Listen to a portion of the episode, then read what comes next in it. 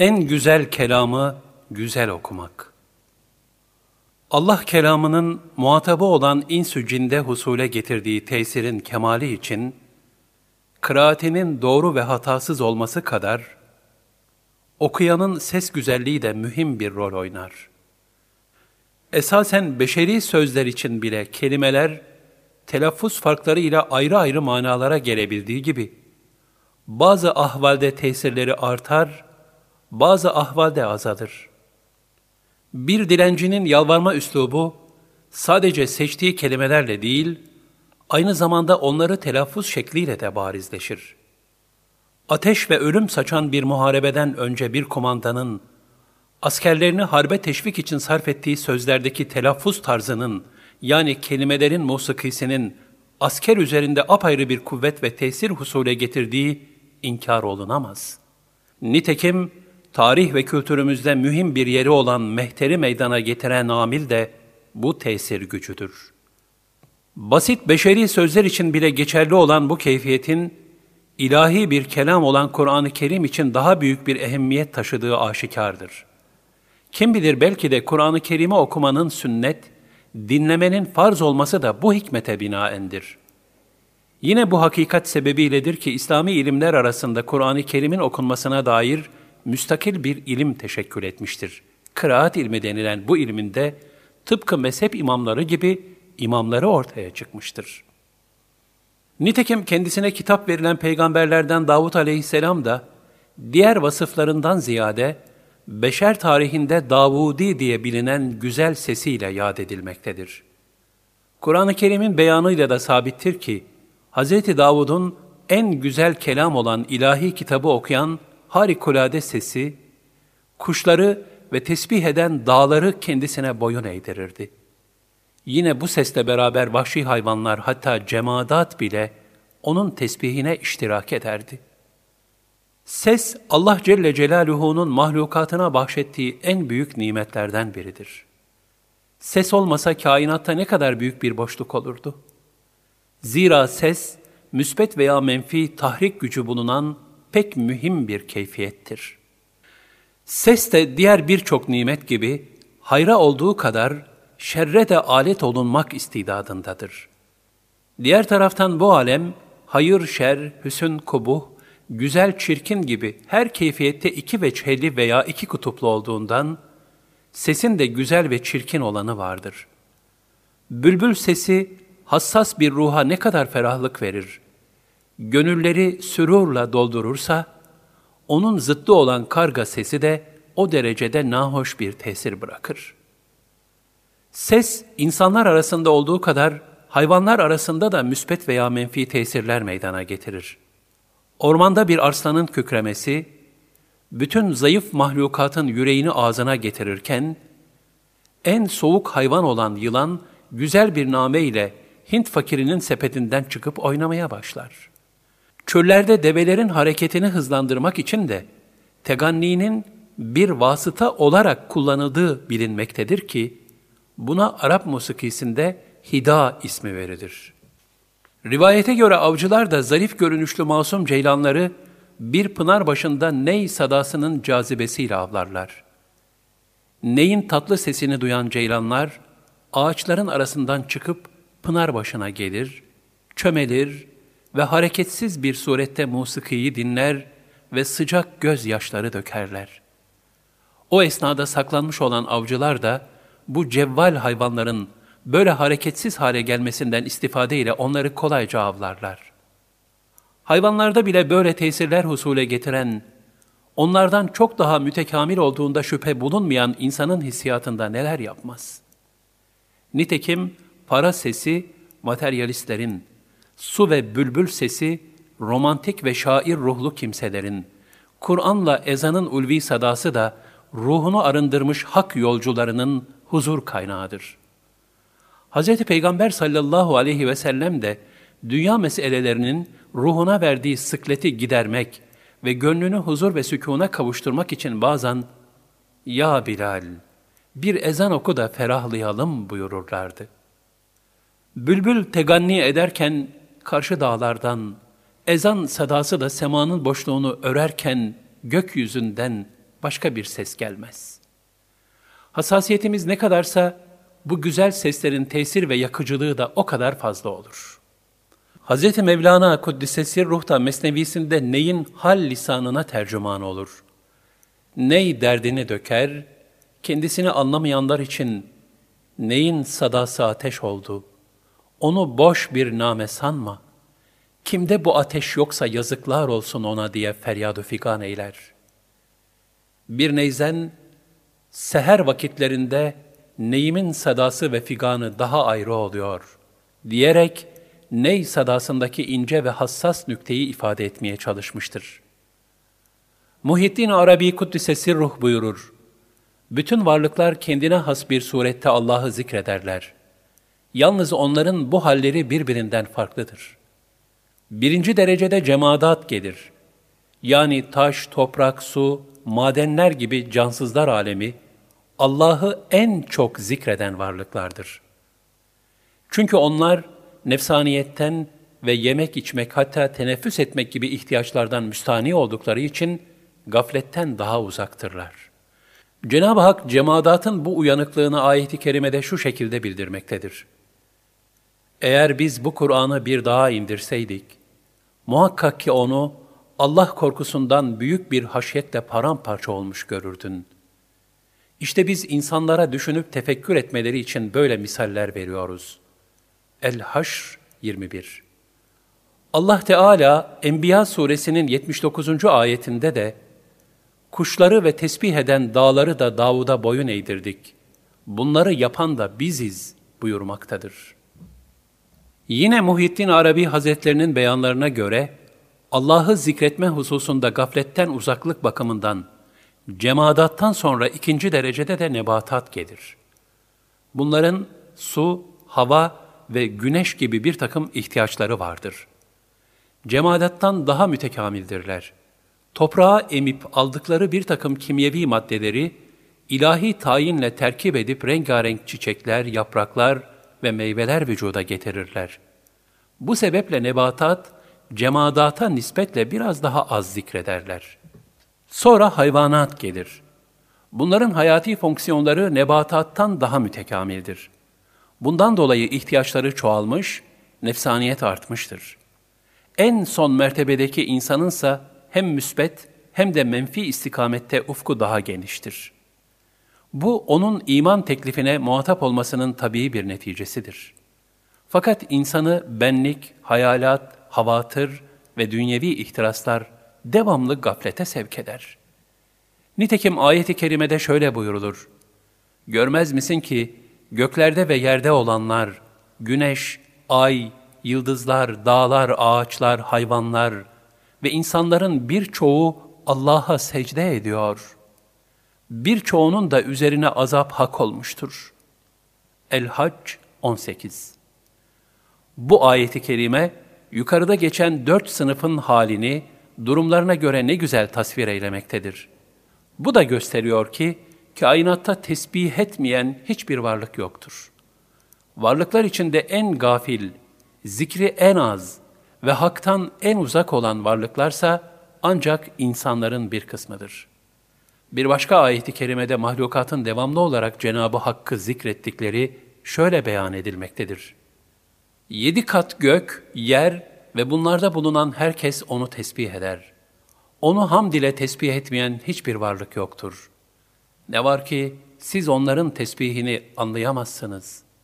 Şüphesiz ki o halim, azapta hiç acele etmeyendir. Gafur, çok bağışlayandır. El-İsra 44 Ancak gönül hassasiyeti inkişaf etmiş olan insanlar, her seste bu tesbih sesini hissederler. Onlar tıpkı Hazreti Mevlana'nın bir kuyumcu dükkanı önünden geçerken işittiği çekiç sesinin namelerindeki zikirden vecde gelip, huşu içinde sema ederek Allah'ı zikre dalması gibi, kainattaki umumi zikrin ahengine bürünerek yaşarlar. Zikir ve tesbih iki türlüdür. Teshiri zikir, bu tarz zikir, mahlukatın kendiliğinden gayri iradi olarak yaptığı zikir ve tesbihtir. Nebatat ve hayvanatın ömürleri yaptıkları bu zikre bağlıdır. Bu zikir onlar için adeta bir hayat nefesidir. Zikri bitenin ömrü de nihayet bulur. İradi zikir, beşerin kendi iradesiyle yaptığı zikir ve tesbihtir. Zikrullah'ın esrar aleminde yaşayan gönül erlerinin halini şair Necip Fazıl mısralarında ne güzel ifade eder. O erler ki gönül fezasındalar. Toprakta sürünme ezasındalar. Yıldızları tesbih tesbih çeker de namazda arka saf hizasındalar. İçine nefis sızan ibadetlerin birbiri ardınca kazasındalar.'' Günü her dem dolup her dem başlayan ezel senedinin imzasındalar. Kainattaki bu umumi zikir keyfiyeti, harf, hareke ve ses gibi kayıtlardan azade ve her kulağın işitemeyeceği bir zikirdir. Bu sırrı zikri duymak ancak erbabına mahsus bir keyfiyettir. Yunus Emre'nin sarı çiçekle büyük bir vecd içinde sohbet etmesi bu kabildendir. Gönlü her dem zikirle meşgul bulunan ve zikirle hemhal olmayı tabiatı asliye haline getirebilen kimseler, bu merhaleden sonra işittikleri her sesteki zikir cihetini idrak ederler. Kısaca hak indinde harfli veya harfsiz, seslerin en güzeli zikirdir. Zikir kendi hususi manasının yanında ilahi kitaplara da isim olmuş, zengin muhtevalı bir kelimedir. Nitekim ayet-i kerimelerde Tevrat-ı Şerif ve Kur'an-ı Kerim'den zikir olarak da bahsedilmektedir. Bu itibarla sesler ve nefesler, Cenab-ı Hakk'ın Kur'an-ı Kerim'deki ilk fermanı olan Yaratan Rabbinin adıyla oku, emri mucibince, Kur'an sadası ile de hususi bir zikir, izzet ve şerefi kazanmıştır.'' Allah Resulü sallallahu aleyhi ve sellem buyurur. Kur'an'ı seslerinizle süsleyiniz. Onu güzel seslerle doğru ve güzel bir şekilde okuyunuz. Kur'an'ı seslerinizle güzelleştiriniz. Çünkü güzel ses, Kur'an'ın güzelliğini daha da artırır. Peygamber Efendimiz sallallahu aleyhi ve sellem bir başka rivayette de, Kur'an'ı teganni ile okumayan kimse bizden değildir buyurmuşlardır.'' Bu hadisi şerifteki teganniden maksadın ses güzelliği olduğunu söyleyen alimler, sesi güzel olmayan kişilerin ise mümkün olduğu kadar güzel okumaya gayret göstermeleri gerektiğini ifade etmişlerdir.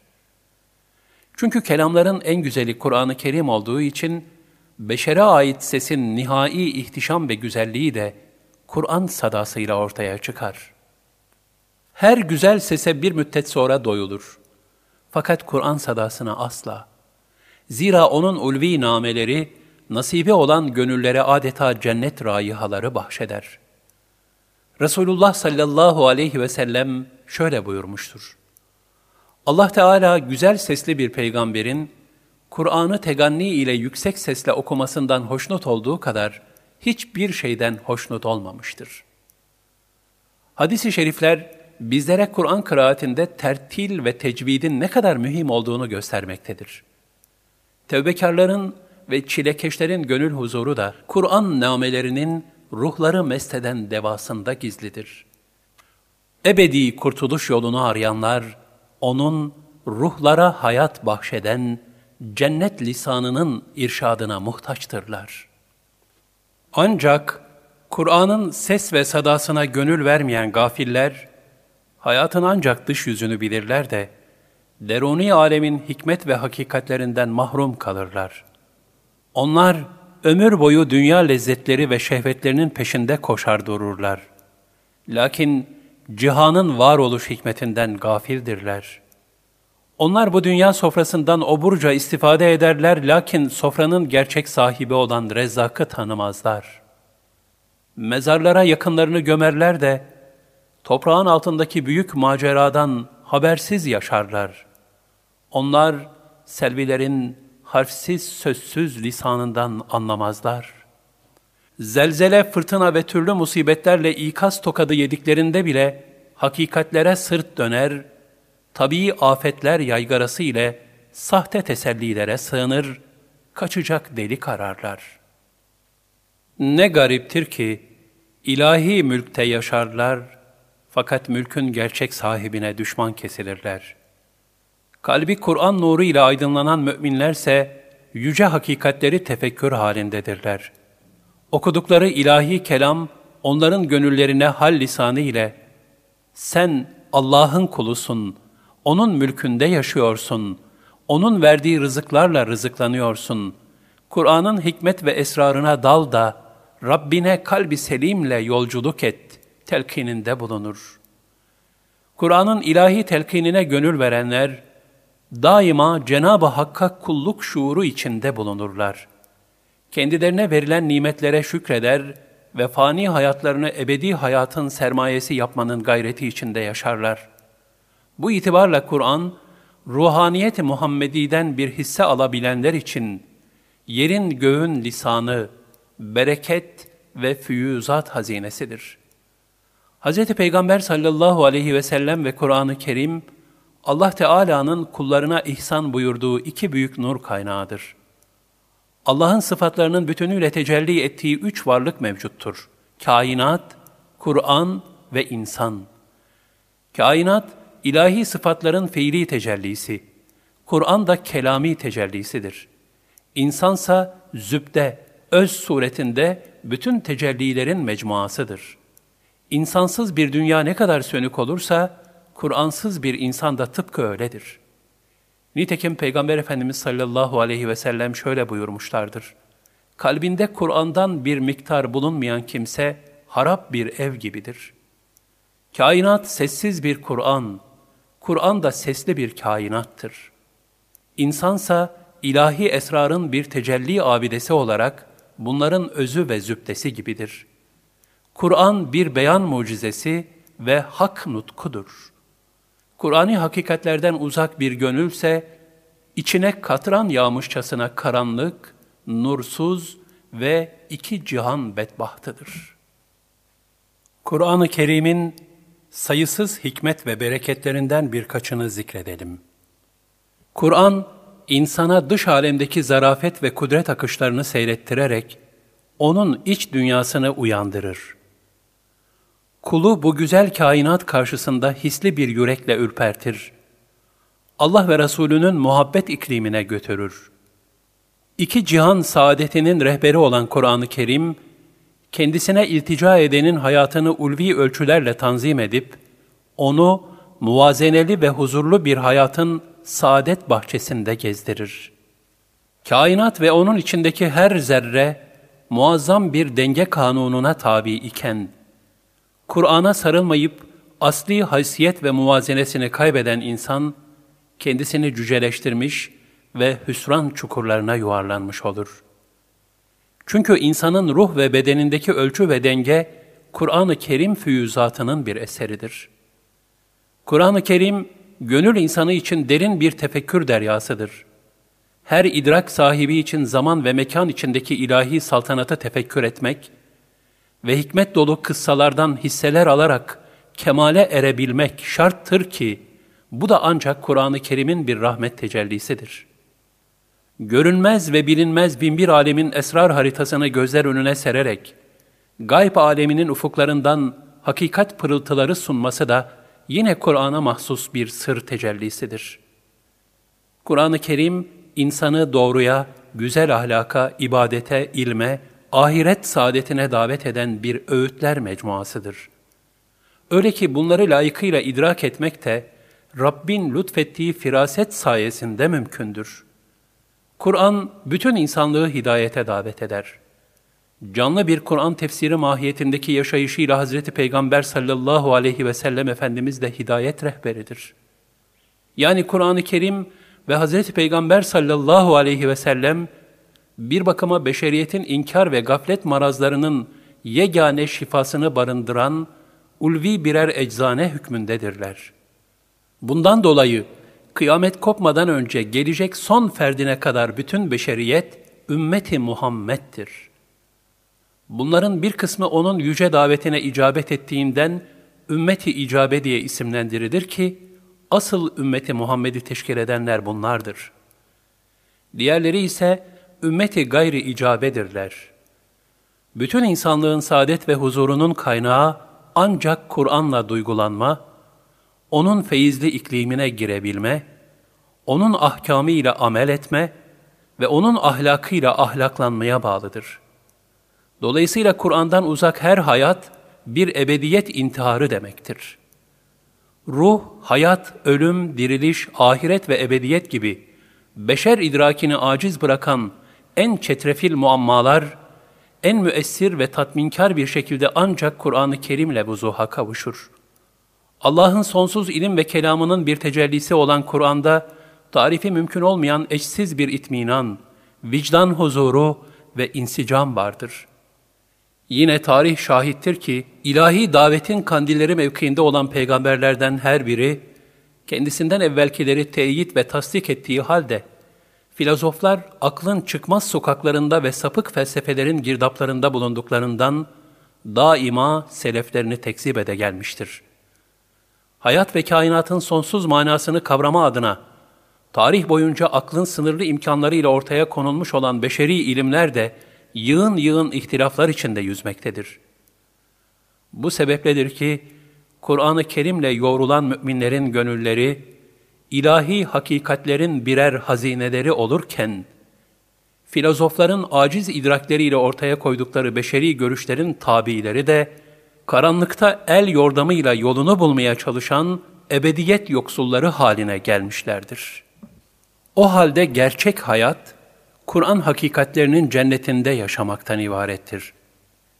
Nitekim bir gün Resulullah sallallahu aleyhi ve sellem Efendimiz, kalpler demirin paslandığı gibi paslanır buyurdu.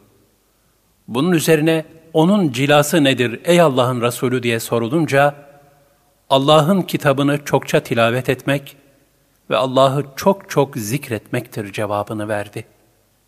Yine Allah Resulü sallallahu aleyhi ve sellemin gözlerinize ibadetten nasibini veriniz ifadesi üzerine ashab-ı kiram, gözlerimizin nasibi nedir ey Allah'ın Resulü dediler. Peygamber Efendimiz sallallahu aleyhi ve sellem de Musaf'a bakmak, onun içindekileri düşünmek ve inceliklerinden ibret almaktır buyurdular. Allah Teala ebedi kazanca nail olan bahtiyar kullarının başında ilk olarak çokça Kur'an okuyanları saymaktadır. Ayet-i kerimelerde buyurulur. Allah'ın kitabını okuyanlar, namazı hakkıyla eda edenler ve kendilerine verdiğimiz rızıktan Allah için gizli ve aşikar sarf edenler, asla zarara uğramayacak bir kazanç umabilirler. Ta ki Allah onlara mükafatlarını tam olarak versin ve lütfundan onlara daha da artırsın. Şüphesiz O çok bağışlayan, kullarının mükafatını bol bol verendir. Fatır 29-30 Onlar geceleri secdeye kapanarak Allah'ın ayetlerini okurlar. Ali İmran 113 Çünkü Allah'ın ayetlerini okumak imanları artırır. Nitekim diğer bir ayeti kerimede şöyle buyurulur. Müminler ancak o kimselerdir ki Allah zikredildiği zaman yürekleri titrer.'' Kendilerine Allah'ın ayetleri okunduğunda bu onların imanını artırır ve onlar yalnız Rablerine tevekkül ederler. El-Enfal 2 Allah'ın kelamını tilavet, hiç şüphesiz ki ibadetler içerisinde en faziletli olanlardandır. Dolayısıyla onu en güzel bir şekilde kıraat etmek, en mühim mükellefiyetlerimizden biridir. Allah Teala buyurur, Kur'an'ı tertil üzere, tane tane tilavet et. El-Müzzemmil 4 Diğer taraftan Kur'an-ı Kerim tilaveti yanında onu sükutla dinlemek de çok mühimdir. Öyle ki Kur'an okumak sünnet, dinlemek ise farzdır. Ayet-i kerimede buyurulur, Kur'an okunduğu zaman onu dinleyin ve susun ki size merhamet edilsin. El-Araf 204 Gerek namaz içinde gerekse namaz dışında, Kur'an okunurken onun manalarını iyice anlamak, öğütlerinden faydalanmak ve davranışları ona göre ayarlamak için bütün dikkatleri ona vermek ve sükut etmek gerekir. Çünkü susmak iyi dinlemeye, iyi dinlemek basirete, basiret iman ve amele, iman ve amel de rahmet ve nimeti ilahiyeye vesile olur. Allah Resulü sallallahu aleyhi ve sellem, Kur'an-ı Kerim'i başkasından dinlemeyi sever, hatta bazen İbn Mesud radıyallahu anha okumasını emreder ve büyük bir manevi hazla dinlerdi. Bir defasında İbn Mesud'u Kur'an okurken dinlemiş ve mübarek gözleri yaşarmıştı. Bu hadiseyi Abdullah İbni Mesud radıyallahu an şöyle nakleder. Bir defasında Nebi sallallahu aleyhi ve sellem bana, Ey İbni Mesud, bana Kur'an oku diye emretti. Ben de, Ya Resulallah, Kur'an sana gönderildiği halde onu size nasıl okuyacağım dedim. Bunun üzerine Allah Resulü sallallahu aleyhi ve sellem, ben Kur'an'ı başkasından dinlemeyi de severim buyurdu. Ben de Nisa suresini okumaya başladım. Ne zaman ki her bir ümmetten bir şahit getirdiğimiz ve seni de onlara şahit olarak gösterdiğimiz zaman halleri nice olacak. En-Nisa 41. ayeti kerimesine geldim. Allah Resulü sallallahu aleyhi ve sellem kafi buyurdular.'' O sırada gördüm ki Resulullah sallallahu aleyhi ve sellemin gözlerinden yaşlar akıyordu. Diğer bir hadisi şerif de şöyledir. Bir defasında Üseyd bin Huday radıyallahu an gece vakti Bakara suresi veya Sure-i Kehfi tatlı bir sesle tane tane okuyordu. Atı da yanında bağlıydı. Üseyd Kur'an okurken at ürkmeye başladı. Üseyd sustu At da sakinleşti. Tekrar okumaya başladı, at yine şahlandı. Üseyd sustu, at tekrar sakinleşti. Üseyd bir daha okumaya başlayınca at yine hırçınlaştı. Bunun üzerine Üseyd okumaktan vazgeçti. Oğlu Yahya da ata yakın bir yerde yatmaktaydı. Atın çocuğa bir zararı dokunmaması için oğlu Yahya'yı geriye çekti. Bu sırada başını göğe kaldırıp baktığında, beyaz bir bulut gölgesine benzer bir sis içinde kandiller gibi bir şeylerin parlamakta olduğunu gördü. Sabah olduğunda bu olanları Resulullah sallallahu aleyhi ve selleme arz etti. Nebi sallallahu aleyhi ve sellem ona, oku ey Hudayroğlu, oku ey Hudayroğlu buyurdu. Üseyd bin Hudayr radıyallahu an, ey Allah'ın Resulü, atın Yahya'yı çiğnemesinden korktum. Çünkü çocuk ata yakındı.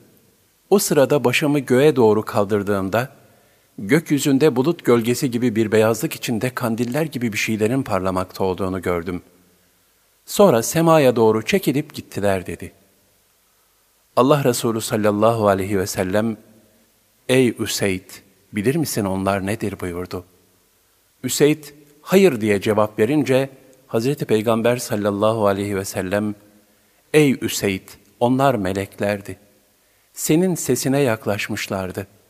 Eğer Kur'an okumaya devam etseydin sabaha kadar seni dinlerlerdi. İnsanlar da onları görür, halkın gözünden kaçmazlardı buyurdu. Hadis-i şerifte Kur'an-ı Kerim sadasının melekleri hatta hayvanları bile duygulandırdığı ifade edilmektedir. Hal böyleyken Kur'an-ı Kerim kesafetten arınmış ve nuraniyete bürünmüş bir gönle kim bilir sırlarını nasıl faş eder? Hazreti Ömer radıyallahu anh'ın hali de çok düşündürücü bir misaldir. O, Bakara suresini 12 senede hatmettim ve şükür için bir deve kurban ettim buyurmaktadır. Çünkü onun Kur'an okuyuşu sadece lafızlarını telaffuzdan ibaret bir okuyuş değildi bu Kur'an-ı Kerim'in hikmet ve esrarına vukufiyet kesbedip, oradaki ilahi nükteleri kavrayarak ve yaşayarak okumaktı. Kur'an'ı gerçek manada okumak ve ondan layıkıyla istifade etmek de ancak bu şekilde mümkündür. Kur'an-ı Kerim'i böylesine yüksek bir keyfiyetle okumaya dair şu misal pek ibretlidir. Ebu Bekir Verrak Hazretlerinin küçük bir oğlu vardı. Kur'an-ı Kerim öğrenmek için hocadan ders okumaktaydı. Bir gün mektepten benzi sararmış bir şekilde titreyerek ve erkenden döndü. Ebu Bekir Verrak Hazretleri bu duruma şaşırarak oğluna sordu. Hayırdır evladım? Bu halin ne? Niçin mektepten erken döndün? Oğlu o küçücük yüreğine yerleşmiş bulunan Allah korkusu neticesinde sonbahar yaprağına dönen bir çehreyle Ey babacığım, bugün hocamız bana Kur'an'dan bir ayet öğretti. Onun manasını idrak edince de korkumdan bu hale geldim dedi. Bu sefer babası evladım o hangi ayeti kerimedir dedi. Küçük çocuk okumaya başladı. Eğer inkar ederseniz çocukları ak saçlı ihtiyarlara çevirecek o günden kendinizi nasıl koruyacaksınız?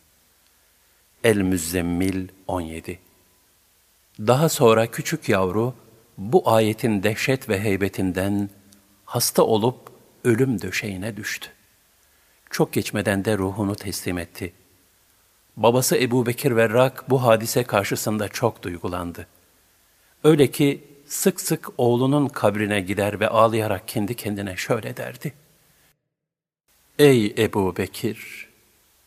Senin oğlun Kur'an'dan bir ayet öğrendi de, Allah korkusundan ruhunu teslim etti. Sense bunca zamandır Kur'an-ı Kerim okursun. Hala hukuku ilahiden bir çocuk kadar dahi korkmazsın. İşte Kur'an-ı Kerim, rakik yürekleri böylesine titreten bir esrar ve hikmetler ummanıdır. Şu ayeti kerime Kur'an'ın manevi hacminin sonsuzluğunu, dolayısıyla da Cenab-ı Hakk'ın ilim, azamet ve saltanatının namütenahiliğini ne güzel aksettirir. Eğer gerçekten yeryüzündeki ağaçlar kalem olsa, deniz de mürekkep olup arkasından yedi deniz daha ona ilave edilse, Allah'ın kelimeleri yazmakla tükenmez. Muhakkak ki Allah mutlak galip ve her işi hikmetli olandır. Lokman 27 İnsan da bu deryadan kalbi istidadı kadar nasip alır. Lakin bu da bir karıncanın deryadan alacağı miktar kadardır. Şair bu manayı ifade sadedinde der ki, Bir bahri cevahir içre daldım. Ben muktedir olduğumca aldım. Bir katredir ancak aldığım hep, derya yine durmada lebalep. Velhasıl, bu vadide beşer için hep acziyet, acziyet, acziyet. Tek çare Allah'ın lütfuna sığınmak. Hadis-i şerifin sırrı ne müthiştir. Kim nefsini tanırsa o nispette Rabbini tanımış olur. Hazreti Mevlana Kuddise ruhta Kur'an-ı Kerim'in zahirini bir miktar mürekkeple yazmak mümkündür.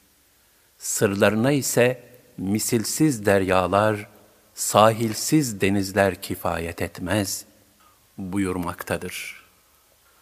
Dolayısıyla gerçek Kur'an ehli, onun tilavetiyle ruhu mütelezziz olan, ahkamıyla yaşayan, ahlakıyla ahlaklanan ve hikmetiyle kamilleşendir. Bu vasıftaki ehli Kur'an için toprağa onun cesedini yememesi emredilecektir. Nitekim Allah dostlarından Mahmud Sami Ramazanoğlu Kuddise Sirruh, Adana'da bu vasıfta vefat etmiş bir hafızın, 30 yıl sonra yol geçme zarureti sebebiyle nakil için kabrinin açıldığını, ancak o kimsenin cesedinin hiç bozulmamış olduğunu, üstelik kefeninin bile pırıl pırıl durduğunu bizzat gören bir şahit olarak nakletmişlerdir. Bütün peygamberler gibi Allah'ın kitabını okuyup tebliğ etmekle vazifeli olan Resulullah sallallahu aleyhi ve sellem Efendimiz, bir hadis-i şeriflerinde, sizin en hayırlınız, Kur'an'ı öğrenen ve öğreteninizdir buyurmuştur. Zira Kur'an-ı Kerim, Allah'ın beşeriyete nezdinden gönderdiği en büyük hediyesi olan ulvi bir kelamdır. Bu hususta da Allah Resulü sallallahu aleyhi ve sellem şöyle buyurmuştur. Allah'ın kelamının yarattıklarının sözlerine olan üstünlüğü, Allah'ın kullarına karşı üstünlüğü gibidir. Yani Kur'an-ı Kerim, beşer kelamıyla kıyaslanamayacak kadar misilsiz, hudutsuz ve sonsuzdur. Ancak ilahi kelamı uyanık bir gönülle okumak lazımdır. Çünkü Kur'an-ı Kerim kendisini okuyanın kalbi durumuna göre açılır. Allah Resulü sallallahu aleyhi ve sellem buyururlar. Kur'an okuyan mümin turunç meyvesi gibidir. Onun kokusu da hoştur, tadı da. Kur'an okumayan mümin hurma gibidir. Kokusu yoktur fakat tadı hoştur. Kur'an okuyan münafık reyhana benzer. Kokusu hoş lakin tadı acıdır. Kur'an okumayan münafık Ebu Cehil karpuzuna benzer. Kokusu olmadığı gibi tadı da acıdır. Bir başka hadisi şerifte de gafil bir şekilde Kur'an okuyanlar için onlar Kur'an okurlar fakat okudukları boğazlarından aşağıya geçmez buyurulur. Demek ki tefekkürle okunmayan Kur'an-ı Kerim'den hiçbir bereket hasıl olmaz. Böyle bir kıraat sahibini cehennem ateşine sürükler. Kur'an'ı bu şekilde tilavet eden kimseler için Cenab-ı Hak, onlar Kur'an'ı inceden inceye düşünmezler mi? Yoksa onların kalpleri üzerinde kilitler mi var? Muhammed 24 buyurmaktadır. Derin ve ince düşünüş sahibi olan engin gönüllü kullar, bu ikazdan büyük hisseler alırlar. Düşünmek gerekir ki Kur'an-ı Kerim'den Rabbimiz, sen bunları boşuna yaratmadın. Sen bütün noksan sıfatlardan münezzehsin. Bizleri cehennem azabından koru. Ali İmran 191 ayet-i celilesi nazil olduğunda Allah Resulü sallallahu aleyhi ve sellem göklerin yıldızlarını imrendirecek inci tanesi gibi gözyaşlarıyla sabaha kadar ağlamışlardı. Tabiinden Ata bin Ebi Rebah rahmetullahi aleyh şöyle anlatır. Hz. Ayşe radıyallahu anhaya Allah Resulü sallallahu aleyhi ve sellem'de gördüğün en şaşırtıcı hali bana haber verir misin dedim. Ayşe validemiz, onun hangi hali şaşırtıcı değildi ki dedi ve şöyle devam etti. Bir gece yanıma geldi, yatağa girdi. Sonra, müsaade edersen kalkıp Rabbime ibadet edeyim buyurdu. Ben, vallahi seninle beraber olmayı çok severim. Ancak seni sevindiren şeyi daha çok severim dedim. Bunun üzerine kalktı, abdest aldı, sonra namaza durdu ve ağladı. O kadar ağladı ki gözyaşları göğsüne aktı. Sonra rükûa vardı yine ağladı. Sonra secdeye vardı, secdedeyken de ağladı. Sonra secdeden başını kaldırdı yine ağladı. Bu durum ta Bilal radıyallahu an gelip sabah ezanını okuyuncaya kadar devam etti. Bilal radıyallahu an Habibi Ekrem'in ağladığını görünce, Ey Allah'ın Resulü, geçmiş ve gelecek bütün günahların affedildiği halde seni ağlatan nedir diye sordu. Efendimiz sallallahu aleyhi ve sellem, Allah'a çok şükreden bir kul olmayayım mı? Vallahi bu gece bana öyle bir ayet indirildi ki, onu okuyup da üzerinde tefekkür etmeyenlere yazıklar olsun dedi ve ardından şu ayeti kerimeleri okudu. Şüphesiz ki göklerin ve yerin yaratılışında, gece ile gündüzün birbiri ardınca gelişinde, aklı selim sahipleri için Allah'ın birliğini gösteren kesin deliller vardır. Onlar ayakta dururken, otururken, yanları üzerine yatarken her an Allah'ı zikrederler. Göklerin ve yerin yaratılışı hakkında derin derin tefekkür ederler ve Rabbimiz sen bunları boşuna yaratmadın. Seni tesbih ederiz, bizi cehennem azabından koru derler. Ali İmran 190-191 Bu itibarla müminlerin Allah korkusuyla döktükleri gözyaşları, fani gecelerin zineti, kabir karanlıklarının yıldızları, cennet bahçelerinin şebnemleridir. Cenab-ı Hak, Kur'an-ı Kerim'in hikmet ve esrarı karşısında duygulanmayan yürekten ve yaşarmayan gözden cümlemizi muhafaza buyursun. Amin. Velhasıl Kur'an-ı Kerim'i sadece okumakla iktifa etmemeli, daha ziyade ahlakıyla ahlaklanıp, ahkamını tatbike gayret göstermeliyiz. Zira Kur'an'dan istifadenin asıl bereketi bundadır. Resul-i Ekrem sallallahu aleyhi ve sellem Efendimizin ashabına ve dolayısıyla biz ümmetine talimi de bu istikamettedir. Ebu Abdurrahman Es-Sülemi şöyle anlatıyor. Allah Resulü sallallahu aleyhi ve sellemin ashabından bizlere Kur'an-ı Kerim talim eden bir zat vardı. Bize şöyle demişti. Biz Peygamber Efendimiz sallallahu aleyhi ve sellem'den on ayet alır, bu ayetlerdeki bilgileri ve amelleri öğrenmeden diğer on ayete geçmezdik. Resulullah sallallahu aleyhi ve sellem bize hem ilmi hem de ameli birlikte öğretirdi. Hazreti Mevlana Kuddise Sirruh şöyle buyurur. Kur'an-ı Kerim, peygamberlerin hal ve evsafıdır. Kur'an-ı Kerim'i huşu ile okuyup tatbik edersen, kendini peygamberlerle, velilerle görüşmüş farz et. Peygamber kıssalarını okudukça ten kafesi can kuşuna dar gelmeye başlar. Biz bu ten kafesinden ancak bu vesileyle kurtulduk. O kafesten halas olmak için bu yoldan yani tevhid tarikından başka çare yoktur. Ya Rabbi, kalplerimizi Kur'an-ı Kerim'in nurundan ve Habibinin muhabbetinden ayırma. Amin.